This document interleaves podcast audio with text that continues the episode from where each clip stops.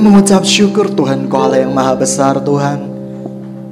Biarkan kehendakmu yang terjadi di dalam hidup kami Ajar kami menyadari Tuhan penyertaanmu itu indah di dalam hidup kami. Terima kasih Tuhan. Sebentar lagi biarkan kebenaranmu saja yang berbicara. Terima kasih Tuhan. Dalam nama Tuhan Yesus Kristus kamu berdoa dan mengucap syukur. Mari kita yang percaya sama-sama katakan Mari kita belajar firman Tuhan di dalam pengkhotbah 4. Pengkhotbah 4. Hari yang indah, hari yang luar biasa. Hari di mana sebagian besar orang-orang sudah terima IP. Amin. Ada yang 3,5, 3,6, 1,5, 0,5, tapi semuanya Tuhan cinta. Amin. Yang 0,5 jangan putus asa, Tuhan tidak akan membuang engkau, yang 3,5 jangan congkak, Tuhan bisa merendahkan engkau. Firman Tuhan hari ini hidup adalah untuk belajar. Mari kita belajar di dalam pengkhotbah 4 ayatnya yang ke-17. Saudara, kita kadang lupa dengan ayat-ayat yang dasar. Tapi mari kita belajar tentang kehidupan ini dari kitab pengkhotbah. Pengkhotbah 4 ayat 17, jagalah langkahmu kalau engkau berjalan ke rumah Allah menghampiri untuk mendengar adalah lebih baik daripada mempersembahkan korban yang dilakukan oleh orang-orang bodoh karena mereka tidak tahu bahwa mereka berbuat jahat. Pengkhotbah 5 ayat pertama. Janganlah terburu-buru dengan mulutmu dan janganlah hatimu lekas-lekas mengeluarkan perkataan di hadapan Allah. Karena Allah ada di sorga dan kau di bumi. Sebab itu biarlah perkataanmu sedikit. Karena sebagai banyak, uh, sebagaimana mimpi disebabkan oleh banyak kesibukan. Demikian pula percakapan bodoh disebabkan oleh banyak perkataan. Kalau engkau bernasar kepada Allah, janganlah menunda-nunda menempatinya. Karena ia tidak senang kepada orang-orang bodoh. Tepatilah nasarmu. Lebih baik engkau tidak bernasar daripada bernasar tetapi tidak menepatinya. Janganlah, jagalah mulutmu bahwa engkau ke dalam dosa. Dan janganlah berkata di hadapan utusan Allah bahwa engkau kilaf. Apakah perlu Allah menjadi murka atas ucapan-ucapanmu dan merusakkan pekerjaan tanganmu. Hidup adalah belajar. Saudara, saya percaya kehidupan kita perlu dengan banyak pembelajaran belajar arti kata bahagia, arti kata kesenangan. Saudara, hari-hari ini banyak, puji Tuhan, banyak teman-teman yang uh, married, banyak teman-teman yang menikah. Biasanya kalau saya dengar teman saya sesama teknik kimia ada yang menikah, kita datang dalam pernikahan. Apa yang Anda rasakan? Kita lihat uh gaunnya gitu ya. Seringkali kita menjadi seorang kritikus di dalam pernikahan pernikahan teman kita yang parkirannya sempit kayak yang makanannya nggak enak kayak yang makanannya mungkin beracun nggak ada ya gitu ya seperti itu. Yang makanannya seperti itu. Kita sering kali menjadi kritikus kritikus oh gaun yang dia pakai itu sudah sudah tujuh kali itu warnanya kuning gitu ya memang memang uh, sudah tujuh kali dipakai gitu ya jadi kita membahas kritikus-kritikus yang ada di dalam pernikahan itu hal yang biasa itu wajar apalagi kalau sudah menginjak usia uh, apa ya uh, 50 60 ke atas. Uh itu tambah kritikusnya tambah berat gitu ya. Kita kita saya kalau semeja dengan mohon maaf orang-orang yang usianya 50 60 ke atas itu paling sedikit memanaskan telinga. Apa pun dikritik, pakaian pelayan dikritik, WC dikritik, semuanya dikritik. Dan itu menurut saya sedikit menyebalkan, ya. Kita di sana mau merayakan bersyukur juga dengan orang yang sudah menikah, entah itu dia menikah dengan cara baik atau tidak cara baik, bukan urusan kita, itu urusan dia dengan Tuhan. Yang penting makan. Uh, berikutnya gitu ya, I don't care gitu ya, karena kehidupan kita masing-masing diciptakan orang uh, berbeda-beda. Ada orang yang sudah mempunyai pilihan dan hargai pilihan orang itu. Walaupun kita kadang tahu, oh ini kok kurang benar, ini kurang tidak benar, itu simpan dalam hati. Oke, okay? jangan bicarakan. Dan waktu di datang ke pernikahan ada tante-tante bilang, kamu nggak tahu, itu cowoknya udah menikah tiga kali. Aku tahu gitu ya seperti itu. Uh, satunya bilang lagi kayak gini. Uh, iya, enggak bukan tiga kali, dua kali, enggak tiga kali. Bayangkan bertengkar di dalam meja, saudaraku untuk bahwa cowoknya ini udah pernah menikah tiga kali, dua kali bagi saya, saya nggak peduli gitu ya. Kamu menikah tiga kali, kamu menikah dua kali, udah nikah gitu ya. Mau diapain gitu ya, seperti itu. Masa kita maju ke depan perhatian, cowok ini udah menikah tiga kali gitu ya. Saya percaya kita akan di apa di uh, dilempar dandang, sotel gitu ya, seperti itu. Gak bisa. Tapi saudara, pernahkah kita menjaga mulut kita dari hal-hal yang negatif? Seringkali kesalahan-kesalahan yang terbesar dari seorang gembala ataupun pemimpin-pemimpin jemaat adalah pertama, mereka kurang paham dengan keadaan yang ada di dalam diri jemaat. Saya waktu ketika saya menjadi pemimpin dari kegerakan pemuda atau mahasiswa saudara, saya tidak mengerti isi hati mereka. Ketika waktu IP-IP keluar itu saat-saat yang menegangkan di dalam hidup mereka karena mereka akan berhadapan dengan saya. Saya tanyanya pelan tapi dalam. Saya tanya sama mereka, IP-mu berapa? Mereka ada yang ketakutan. Satu koma, satu koma itu hanya untuk iblis gitu ya, seperti itu. Dua koma itu menandakan kamu keluar dari jeratan iblis. Tiga koma itu namanya kemuliaan bagi Tuhan. Wah gitu ya, seperti itu. Nah Saudara, ketika ada satu orang, saya menyesal sekali berkata-kata. Oleh karena itu, hari ini kita belajar tentang kehidupan pertama-tama dari mulut terlebih dahulu. Waktu itu saya sangat menyesal, mungkin sedikit kualat, saudara seperti itu. Saya tanya sama dia, IP-mu berapa? 0,9. Dan saya sebagai pemimpin pemuda waktu itu langsung tertawa terbahak-bahak seperti itu. Ya seperti itu, IP 0,9 kamu kurang belajar. Ya kan? Seringkali kita kalau teman-teman IP-nya 0,9 apa yang kita katakan? Kurang belajar. Seperti itu. Ya kak, saya akan belajar lebih keras lagi. Semester berikutnya IP-nya 0,8. Saya marah sekali. Kamu sudah tanya nggak sih panggilan hidup Tuhan di dalam hidupmu? Mengapa engkau selalu ya gagal, gagal, dan gagal? Dia nangis. Mungkin kamu ada kutuk di dalam keturunan. Biasa kan hamba Tuhan ya. Uh, jurusnya iblis kutuk gitu ya. Uh, ini ya itu jurus hamba Tuhan. Belum jadi hamba Tuhan. Masih jadi pemimpin mahasiswa. Uh, mungkin kamu ada kutuk di dalam keturunan. Mari kita doakan pelepasan orangnya cowok saudaraku. Uh, kita tangking tangking roh kebodohan keluar gitu ya. Jadi uh, dengan uh, apa ya dengan keningnya saudaraku kita tunjuk dua orang kita tunjuk sama-sama pakai minyak, pakai anggur. Roh kebodohan keluar. Aku perintahkan roh kebodohan keluar gitu ya. Semester berikutnya dia IP-nya 0,7 dan DO sudah sudah pasti DO. Saudara, saya sangat kecewa sekali. Saudaraku, saya sudah tangking roh kebodohan. Betul, saya minta roh hikmat, roh marifat, dan roh apa pun yang positif yang datangnya dari atas seperti itu. Tetapi IP-nya tetap jelek. Saudara. Dan waktu itu saya mengeluarkan kata-kata yang sebenarnya menurut saya bukan kata-kata penghakiman. Tetapi menurut saya adalah kata-kata untuk menguatkan dia. Tetapi bagi dia, itu menjadi kata-kata yang sangat berat. Terakhir dia mau ketemu sama saya pribadi. Kok bisa nggak saya cerita? Dia cerita sambil berlinang air mata. Padahal dia nggak nyanyikan lagu kulihat ibu pertiwi gitu ya.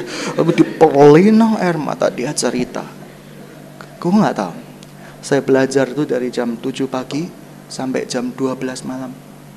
Saya sudah belajar, saya sudah berikan yang terbaik saya juga menjaga kakiku supaya tidak berbuat dosa. Koko punya karunia itu, masa koko nggak tahu? Saya bingung, saudaraku. Dia bilang seperti itu. Dia bilang ini cerita 12 tahun silam. Ah, saudara dia cerita, cerita, cerita. Akhirnya saya sadar, saudaraku. Kesalahan daripada anak-anak Tuhan, yaitu lekas menilai dari sebuah kejadian. Nah, mesti orang yang IP 0,9 itu adalah orang yang bodoh dan gagal. Dia keluar dari sekolahan. Rupanya dia belajar dipaksa Tuhan untuk keluar daripada perguruan tinggi. Mengapa? Saya juga nggak ngerti. Tapi berita yang terakhir, dia menjadi orang yang jauh lebih kaya dari saya. Dengan cara yang benar, dengan cara positif. Nah, teman-teman, itu yang terjadi, itu yang sering kali kita tidak menyadari sikon kita tidak menyadari keadaan daripada teman-teman kita. Mungkin engkau pemimpin, engkau gembala-gembala daripada KTB, engkau gembala-gembala dari Rikom. Seringkali kita tidak memahami satu persatu keadaan daripada anak-anak rohani kita. Seringkali kita menganggap sebuah kasus adalah sama dengan kasus-kasus yang lainnya.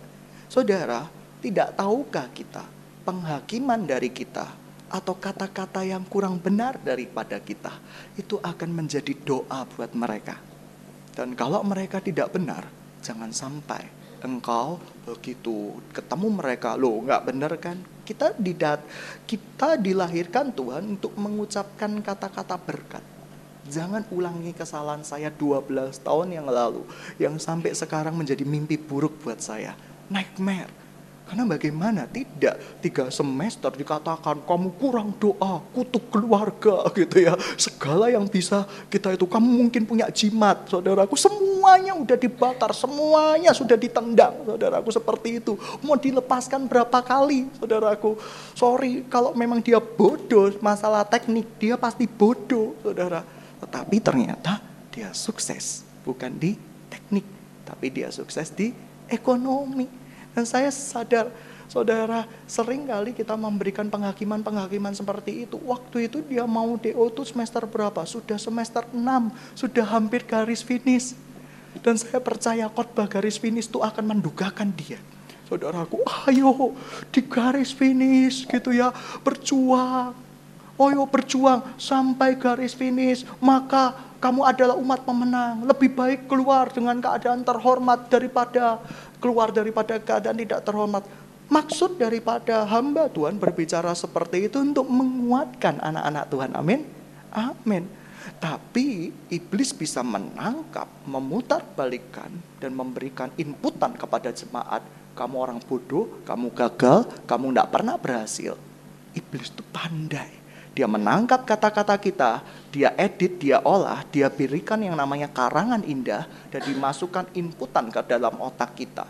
Saudara, khotbah tentang menyelesaikan garis akhir itu betul kalau dia di gelanggang yang betul. Peristiwa dari anak rohani saya, dia berada di dalam gelanggang yang tidak betul. Dia tidak disuruh Tuhan di teknik, akan tetapi Tuhan izinkan dia di teknik supaya dia belajar apa? Belajar banyak. Saudara, Tuhan kalau suruh belajar seseorang, tidak mesti harus lulus loh. Menurut ukuran dunia. Kalau Tuhan sudah anggap lulus, ternyata saya ngerti mengapa Tuhan izinkan dia teknik. Dia orangnya somsel.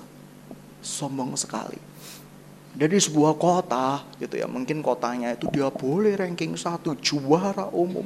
Begitu masuk teknik amburadul ya. Dulu pendapat penghargaan penghinaan saudara ya. Seperti itu. Dulu dipanggil uh, menjadi tiga besar ranking umum gitu ya. Diberikan tepuk tangan A sama teman-teman. Sekarang dapat D plus gitu ya. D minus seperti itu. Waduh itu mengerikan sekali. Tapi saya percaya Tuhan izinkan dia belajar Saudara, dengan kejadian itu, saya sebagai hamba Tuhan, saya belajar untuk sedikit lebih bijaksana. Karena banyak bijaksana miliknya Tuhan. Amin. Amin. Gitu ya. Sedikit lebih bijaksana. Tapi sering kali kita tidak sadar bahwa keutuhan kekuatan dari sebuah gereja itu bukan terletak dari hamba Tuhannya saja, tetapi terletak dari semua orang yang ada di dalam gereja. Dengan cara apakah firman Tuhan itu dimentahkan? Dengan cara yang pertama, roh gosip. Kamu nggak tahu nggak? Kok di kok pakaian abu-abu? Itu kan pakaian lama nggak pernah dicuci. Wah gitu ya, roh gosip mulai muncul gitu ya. Tahu nggak keadaan CMC sekarang? Uh, itu parah. Padahal nggak parah. Kami semakin bertumbuh, kami semakin berkembang, dan puji Tuhan, penggenapan janji-janji Tuhan sudah semakin menjadi kenyataan luar biasa sekali. Saya lihat saudaraku, visi 10 tahun yang lalu, 7, uh, 12 tahun yang lalu itu menjadi kenyataan. Seven Voice akan menjadi suatu yang kuat dan besar. Saudara, kalau kita tinggal di dalam gereja ini, kita nggak akan pernah bisa merasakan pertumbuhan. Maksudnya apa? Walaupun kau bertumbuh, engkau nggak akan pernah bisa merasa bertumbuh. Kalau engkau terus ya tinggal dengan anakmu yang dari bayi, terus tiba-tiba menjadi uh, anak-anak. Bisa melihat pertumbuhannya tiba-tiba tangannya memanjang jebret gitu ya. Uh, terus tiba-tiba kakinya jadi besar. Oh enggak bisa. Tiba-tiba kita merasa kamu itu seperti bayi bagi saya padahal sudah bertumbuh Orang lain yang lihat, ih anakmu sudah besar. Enggak, tetap segini kok gitu ya seperti itu. Karena apa? Karena pertumbuhan itu tidak bisa dilihat ketika kita melihat diri kita sendiri. Kita butuh orang lain yang untuk melihat pertumbuhan diri kita. Kalau kita bisa melihat pertumbuhan diri kita sendiri, saya khawatir kita kena roh narsis. Ya kan? Aku hebat, aku bertumbuh, aku luar biasa. Jauhkan roh narsis dari gereja kita gitu ya. Tapi roh percaya diri boleh. Berikutnya saudaraku kita belajar tentang kehidupan. Saudaraku yang pertama tentang mulut tentang ucapan. Yang kedua hari ini saya mau ajarkan anda tentang arti sebuah kebahagiaan. Nah sering kali jemaat tidak sadar ketika hamba Tuhan berbicara Jangan bangun visi pribadi. Akhirnya ada yang kerja di luar. Dan begitu menjadi terintimidasi karena hamba tuannya berkata, jangan bangun visi pribadi. Ini mungkin hamba tuannya yang salah, bisa juga yang dengar yang salah. Visi pribadi yang dimaksudkan adalah ketika engkau bekerja hanya untuk kerajaanmu pribadi, bukan untuk kerajaan Tuhan. Itu visi pribadi. Saya tidak peduli Anda bekerja di luar, Anda bekerja di perusahaan mana, selama kerinduanmu kepada Tuhan itu besar. Saya percaya engkau sedang mengerjakan visi Tuhan. Tapi yang lain soal ketika kita kerja di dalam sebuah perusahaan, bahkan kita bangun perusahaan kita pribadi, kita nggak perlu pikirkan kegeraan Tuhan, kita tidak perlu pikirkan rencana Tuhan, kita hanya berpikir membangun, membangun, membangun, membangun. Itu yang namanya kerajaan pribadi. Jadi jangan ada yang salah tangkap. Karena ada orang-orang yang karunianya bukan di orang Lewi. Ada orang-orang yang karunianya bukan ternyata bukan full timer. Tapi ada orang-orang karunianya di luar itu. Saudara gereja tidak ada yang membedakan bahwa ini sekuler, ini rohani. Orang-orang yang uh, lahir dari Allah itu adalah anak-anak yang rohani. Harusnya kita bisa jadi berkat di mana pun kita berada. Nah teman-teman secara tidak sadar pembicaraan dari jemaat ini menjadi sebuah doa bagi teman-teman kita di sekitar kita. Ada loh orang yang sudah menikah lima tahun dibicarakan saja. Taunya dari mana? Dari meja makan, dari meja undangan dibicarakan saja. Kalau sudah menikah selesai. Amin. Amin. Doakan dia. Saudara, Kata-kata penghakiman ini biasanya dimiliki oleh wanita. Hati-hati. Kalau pria jarang mengeluarkan kata-kata penghakiman, tapi kalau dikeluarkan itu lebih sakit daripada wanita. Ya jarang, saya bilang jarang ya, bukan berarti tidak pernah seperti itu. Tapi hati-hati saudaraku ketika engkau dapat dari kebenaran Tuhan, jangan takut kamu dipikir menghakimi orang lain. Karena Tolak ukur dari menghakimi yang tahu itu siapa? Kamu sendiri. Ngerti? Maksudmu apa? Contoh, saya ter, saya terpesona dengan Ricky gitu ya. Saya tertarik gitu ya uh, menjodohkan dia dengan siapa ya? menjodohkan dia dengan Vira misalnya seperti itu terus khotbahnya saya persiapkan gitu ya semuanya mengenai Ricky gitu ya wah gitu ya ketika uh, apa ya gadis yang indah itu kalau berpakaian putih. Dia langsung lihat Vira gitu ya. Uh, seperti itu. Senyumnya yang indah dia. Lihat Vira udah senyumnya indah gitu ya seperti itu. Nah itu namanya khotbah yang dipas-pasin dan akhirnya mulai timbul yang namanya rasa suka tapi rasa suka karena bentukan dari khotbah. Nah hamba-hamba Tuhan yang melakukan seperti itu termasuk saya kalau yang ada bertobat. Kalau ternyata Anda tidak bermaksud untuk seperti itu sudah Cuek, saudaraku. Mari kita belajar tentang kehidupan lagi. Yang pertama dari segi apa? Ucapan. Yang kedua dari segi apa? Ukuran bahagia. Banyak orang merasa ukuran bahagia kalau kita memiliki banyak duit. Ya, saya rasa ada yang salah, ada yang nggak terlalu salah. Tapi saya percaya kita tidak bisa beli kebahagiaan itu. Waktu kecil, saya dengan teman-teman saya main yang namanya apa ya? Mungkin kalian tidak tahu, tapi saya sebut nama permainan itu patek lele. Wah, tahu ya? Seperti itu dikasihin, dikasih apa? Dikasih uh, kayu. Kita kita pukul kayu itu sampai melambung ke udara seperti itu dan akhirnya masuk ke lantai dua dari sekolahan seperti itu. Wah, teman-teman ngambil, teman-teman ngejar. Wah, kita tertawa terbahak-bahak, senang. Sekarang ada PS1, PS2, PS3, mungkin ada PS7. Suatu saat ketika mendekati kedatangan Tuhan sampai engkau bisa memukul lawanmu yang ada di video game. I don't, saya nggak ngerti tentang kemajuan teknologi, tapi itu begitu dahsyat. Saudara, kemajuan teknologi itu dahsyat nggak? Dulu yang GPS, ya kita bisa ngerti lokasi mobil di mana, di jalan mana, di mana gitu ya. Nah, seperti itu. Dulu 12 tahun yang lalu itu cuma film fiksi ilmiah. Mobilnya dikasihin kayak permen karet, jebret terus terdeteksi dari layar, ya enggak? Tapi tergenapi loh. Karena kemajuan dari otak manusia itu luar biasa dahsyatnya. Terus beberapa lama kemudian kita lihat film-film fiksi ilmiah. Nantinya orang bisa berpindah dari satu negara ke negara yang lain dengan tubuh virtual. Bisa nggak jadi kenyataan? Mungkin. Mungkin. Tapi itu sedikit mengerikan ya. Mungkin mungkin. Lihat, manusia berusaha menyamai yang dibuat Tuhan. Saya sangat bahagia berteman dengan teman-teman saya, permainan-permainan yang lucu-lucuan, permainan yang sembunyi-sembunyian, permainan-permainan yang lain. Nah, saudara, saya bisa buktikan bahwa ukuran bahagia bukan terletak daripada mahalnya dari sebuah permainan tapi apabila kita menikmati permainan itu, demikian juga saudaraku, kalau kita bahagia di dalam kerajaan Allah, bukan begitu mahalnya pangkatmu di dalam gereja. Bukan begitu, uh ini di dalam gereja ini dahsyat ini. Dia menjadi wakil gembala sidang. Wah dahsyat banget. Ini menjadi sebuah gitu ya.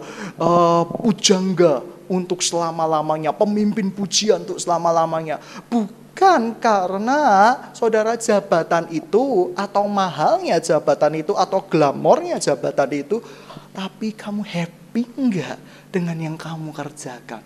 Kalau kamu nggak happy dengan yang kamu kerjakan, maka jabatan itu menjadi sebuah alat yang sia-sia. Permainan itu menjadi alat yang sia-sia.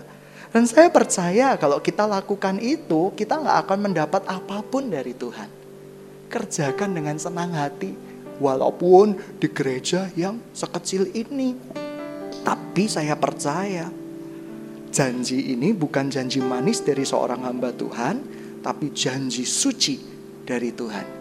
Bahwa aku akan memul, uh, aku akan membuat gereja ini menjadi bintang-bintang yang bersinar di mana pun dia berada itu janji suci Tuhan. Saya tangkap itu sebagai sebuah kebenaran. Ukuran bahagia kita apa? Saudara, ada orang yang berkata bahwa aku bahagia. Ukuran bahagia itu tidak bisa dinilai satu sampai uh, satu bulan sampai satu tahun enggak. Tetapi begitu bertahun-tahun kau menjalani kehidupan, apakah engkau bahagia? Ada orang yang bahagia dengan menikah. Tinggallah di dalam pernikahanmu yang suci itu. Ada orang-orang tertentu yang tidak bahagia dengan pernikahan dan memang mendapat karunia tertentu, bagi saya ya tinggallah di dalam kondisimu itu. dari situ saya belajar banyak saudaraku tentang kehidupan. Dan yang terakhir, dan ini yang paling penting. Saudara, hari-hari ini Tuhan bicara kayak gini, teman-teman. Mau nggak kamu membiarkan diri kamu dipimpin Tuhan menuju level-level yang jauh lebih besar daripada level sebelumnya. Hari-hari ini semua sidang jemaat Tuhan di tempat ini akan dipaksa Tuhan untuk memasuki level yang lebih tinggi daripada level-level sebelumnya. Dan itu indah. Minggu yang lalu saya pernah ceritakan. Minggu yang lalu ketika saya melihat uh, dua penari, saya ternyata melihat dalam penglihatan saya sekilas saya melihat dua malaikat yang berada di belakang penari itu. Tetapi ternyata sesampai di rumah Tuhan berbicara bukan dua penari, bukan dua malaikat yang menari, tapi kurang lebih lima malaikat yang menari. Karena aku menghendaki dari pendirian tempat ini, aku menghendaki tujuh penari yang memakai tujuh jubah yang aku perintahkan kepadamu. Bahwa mereka akan memberikan warna di dalam uh, suasana rohani setiap kali kebaktian yang ada. Tapi karena tidak ada atau belum ada atau belum terpanggil maka mungkin malaikatnya nggak sabaran ya.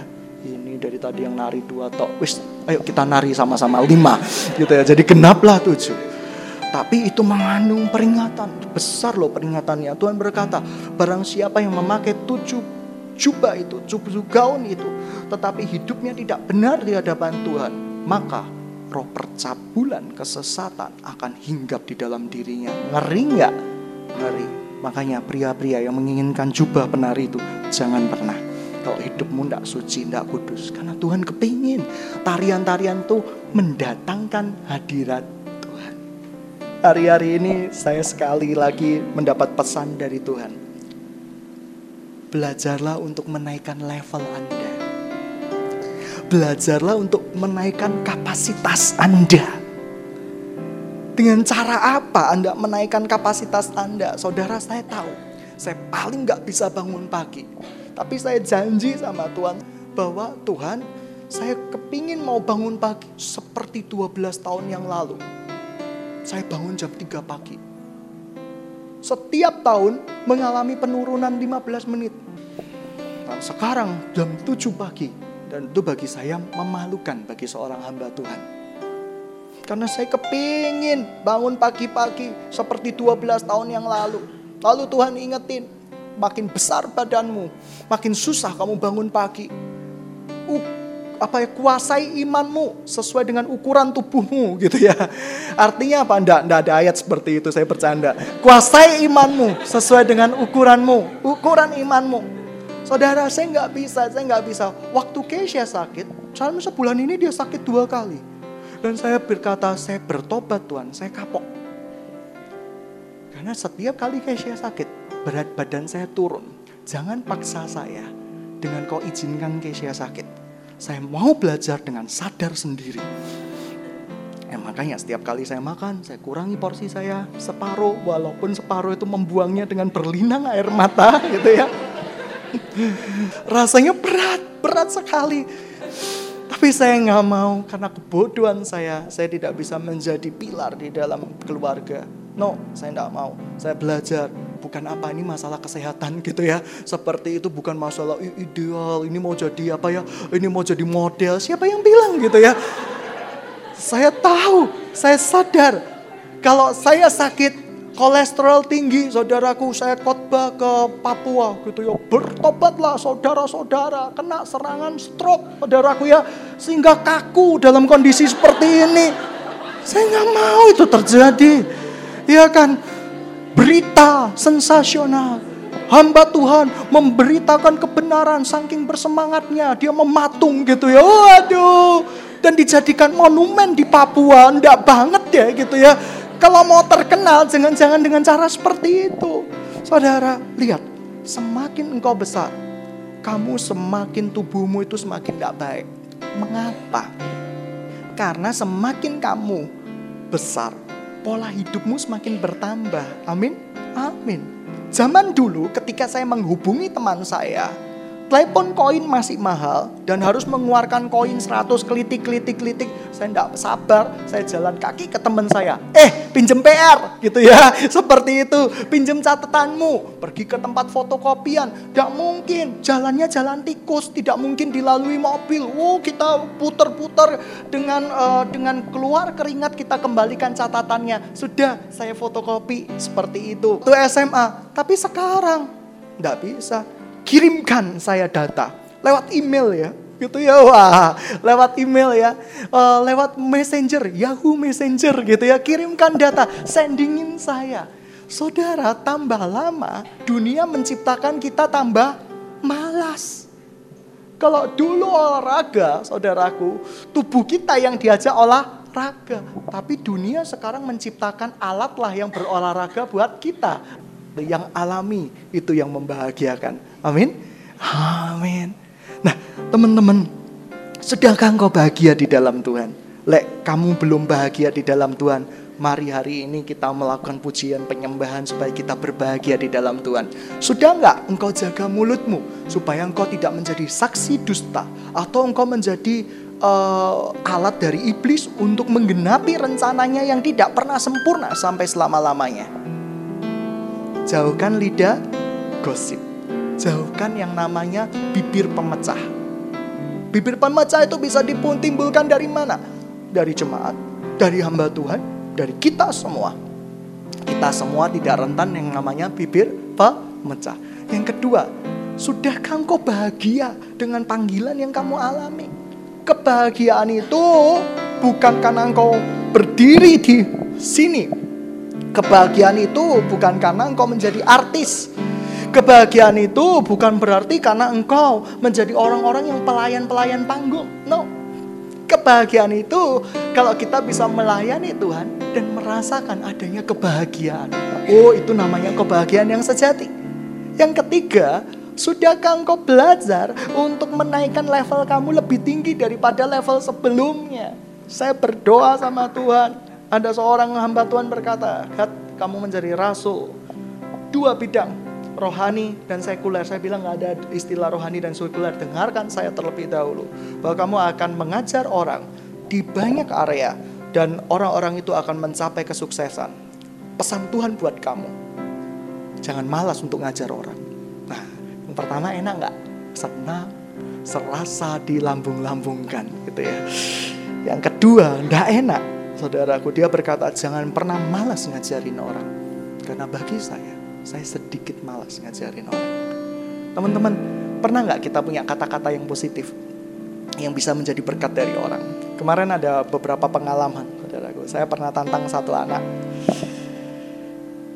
Dengan produk yang seperti ini, produknya sih bagus, saudara. Ada dua pendapat yang berbeda. Oh, produk ini layak dijual, produk ini tidak layak dijual.